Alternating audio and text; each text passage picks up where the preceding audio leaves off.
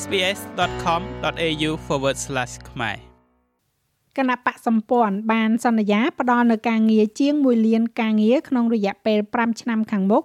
ខណៈដែលយុទ្ធនាការបោះឆ្នោតរបស់ខ្លួនឈានដល់ភាគខាងលិចនៃទីក្រុងស៊ីដនី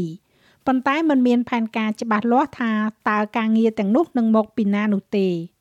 ទន្ទឹមនឹងនេះដែរលោក Anthony Albanese ត្រូវបានញោមញីដោយសំណួរបន្ថែមទៀតអំពីកំហុសឆ្គងរបស់លោកលើតួលេខការងារគណៈពេលដែលប្រកាសអំពីផែនការសុខភាពផ្លូវចិត្តនៅភូមិខាងជើងរដ្ឋ Tasmania កំហុសឆ្គងក្នុងការប្រាប់ពីតួលេខការងារខុសបានបង្ខំឲ្យលោក Anthony Albanese ការពៀទូនីតិសេដ្ឋកិច្ចរបស់លោកសម្រាប់ថ្ងៃទី2នៃយុទ្ធនាការបោះឆ្នោតខណៈពេលដែលលោកកំពុងព្យាយាមលើកកម្ពស់គោលនយោបាយថ្មីស្ដីអំពីសុខភាពផ្លូវចិត្តកាលពីថ្ងៃច័ន្ទទី11ខែមេសាមេដឹកនាំបកប្រឆាំងរូបនេះមិនអាចចងចាំនៅតួលេខនៃអ្នកអត់ការងារធ្វើនាពេលបច្ចុប្បន្ននិងអត្រាការប្រាក់របស់ធនាគារបម្រុងបាននោះទេ ហើយនៅថ្ងៃអង្គារលោកនៅតែការពារកំហុសនោះ I'm I'm owning it and and I do own it ខ្ញុំបានធ្វើវាខ្ញុំទទួលយកការទទួលខុសត្រូវហើយនោះជាអ្វីដែលខ្ញុំនឹងធ្វើ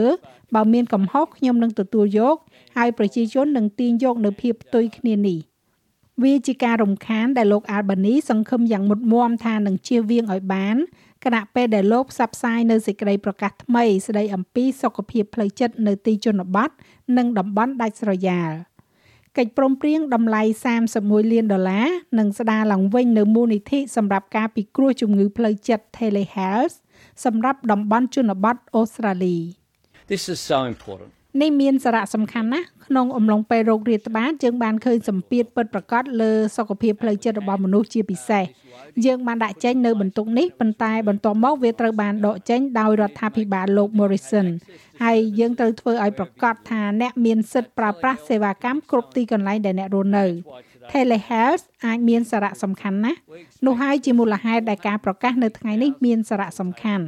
យើងរំពឹងថាមានការពិគ្រោះយោបល់ចំនួន450,000ករណីនឹងប្រព្រឹត្តទៅក្នុងរយៈពេល4ឆ្នាំខាងមុខជាលទ្ធផលនៃការប្រកាសនេះប៉ុន្តែការបដិញ្ញាចិត្តដ៏ធំពីលោកនាយករដ្ឋមន្ត្រីដែលធ្វើយុទ្ធនាការនៅភូមិខាងលិចទីក្រុងស៊ីដនីនៅក្នុងតំបន់កៅអីដ៏ប្រផិតប្រផៅបំផុតនៅក្នុងប្រទេស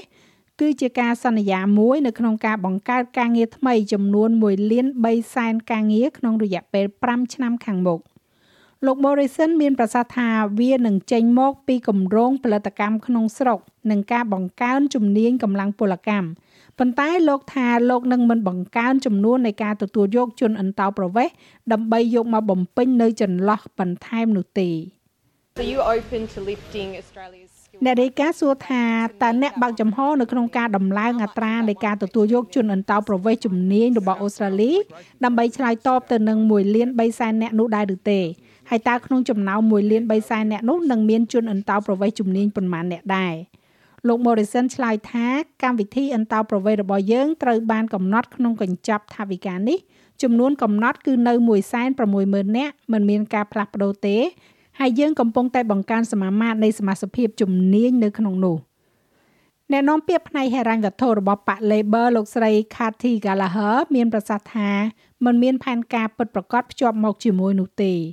The Prime Minister's been out today on uh, លោកនាយករដ្ឋមន្ត្រីបានចេញនៅថ្ងៃនេះលើការងារផែនការការងារក្នុងរយៈពេល5ឆ្នាំខាងមុខយើងដឹងថាលោកនាយករដ្ឋមន្ត្រីរូបនេះធ្លាប់សន្យាកាលពីមុនតែលោកមិនបានរក្សាការសន្យាទេហើយនេះគ្រាន់តែជាការសន្យាមួយទៀតមិនមែនជាផែនការទេ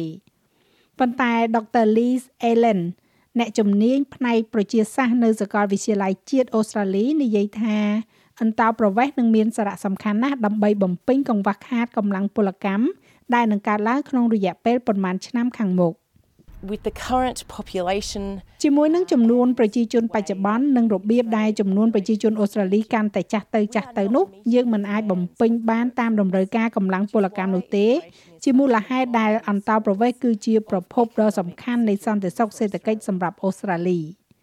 ដុកទ័រ Allen ក៏កត់សម្គាល់ផងដែរថាការងារថ្មីចំនួន1លាន3សែនការងារគឺមិនគ្រប់គ្រាន់ដើម្បីទ្រទ្រង់នៅតម្រូវការកម្លាំងពលកម្មរបស់ប្រទេសអូស្ត្រាលីក្នុងរយៈពេល5ឆ្នាំខាងមុខទេ if we look at ប្រសិនបើយើងក៏លេខមើលចំនួនមធ្យមនៃការងារដែលបើកជារៀងរាល់ឆ្នាំ លោកនាយករដ្ឋមន្ត្រីពិតជានៅក្រោមគោលដៅហើយតាមពិតទៅបើយើងសម្លឹងមើលឲ្យស៊ីជម្រៅបន្តិចជាមធ្យមគឺប្រហែលជា520,000ការងារក្នុងមួយឆ្នាំត្រូវបំពេញ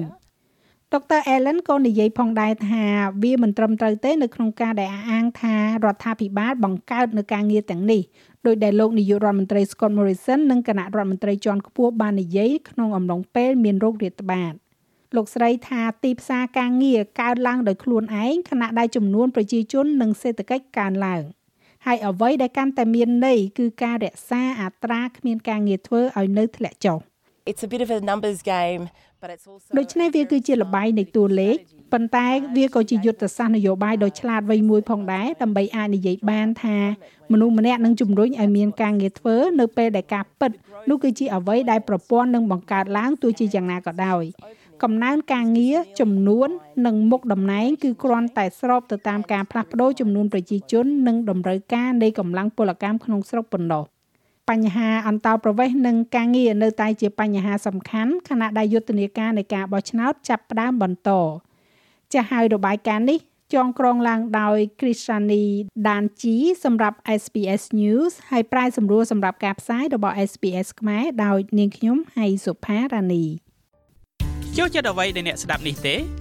Subscribe SBS ខ្មែរនៅលើ Podcast Player ដែលលោកអ្នកចូលចិត្ត